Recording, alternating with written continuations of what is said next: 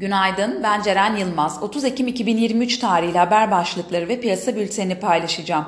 İsrail, Hamas ile çatışmalarda ikinci aşamaya geçildiğini açıklarken ABD gerilimin yayılması konusunda uyardı. Erdoğan'ın İsrail'i savaş suçlusu olarak tanımlamasının ardından İsrail diplomatlarını çekme kararı aldı. ABD bilanço sözünü yatırımcılarda hayal kırıklığı yarattı. Çarşamba günü ABD hazinesinin duyuracağı yeni borçlanma planının piyasalar üzerinde FED faiz kararından daha etkili olması bekleniyor bekleniyor. İsrail'in beklenenden temkinli ilerlemesiyle petrol, altın ve tahvillerde düşüş etkili oluyor. Piyasalara genel olarak bakacak olursak pay piyasalarında jeopolitik riskler Borsa İstanbul'u baskılarken rasyonel ekonomi politika adımlarının devam etmesi ve beklentilerin üzerinde gelen 3. çeyrek bilançolar destekliyor. Jeopolitik risklerde bir yumuşama olması durumunda tepki alımlarının kuvvetlenmesini, gerginliğin ve yayılma riskinin artması durumunda ise satış baskısının artacağını düşünüyoruz.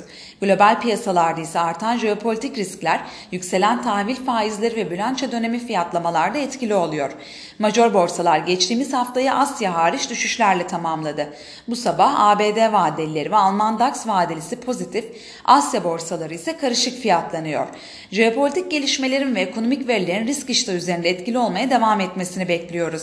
Diğer taraftan bu hafta açıklanacak FED faiz kararının da etkili olacağını düşünüyoruz. Teknik analiz verilerine bakacak olursak kısa vadede 7350 ve altına gerileme alım fırsatı, 7820 üzerine tepki yükselişi ise satış fırsatı olarak takip edilebilir.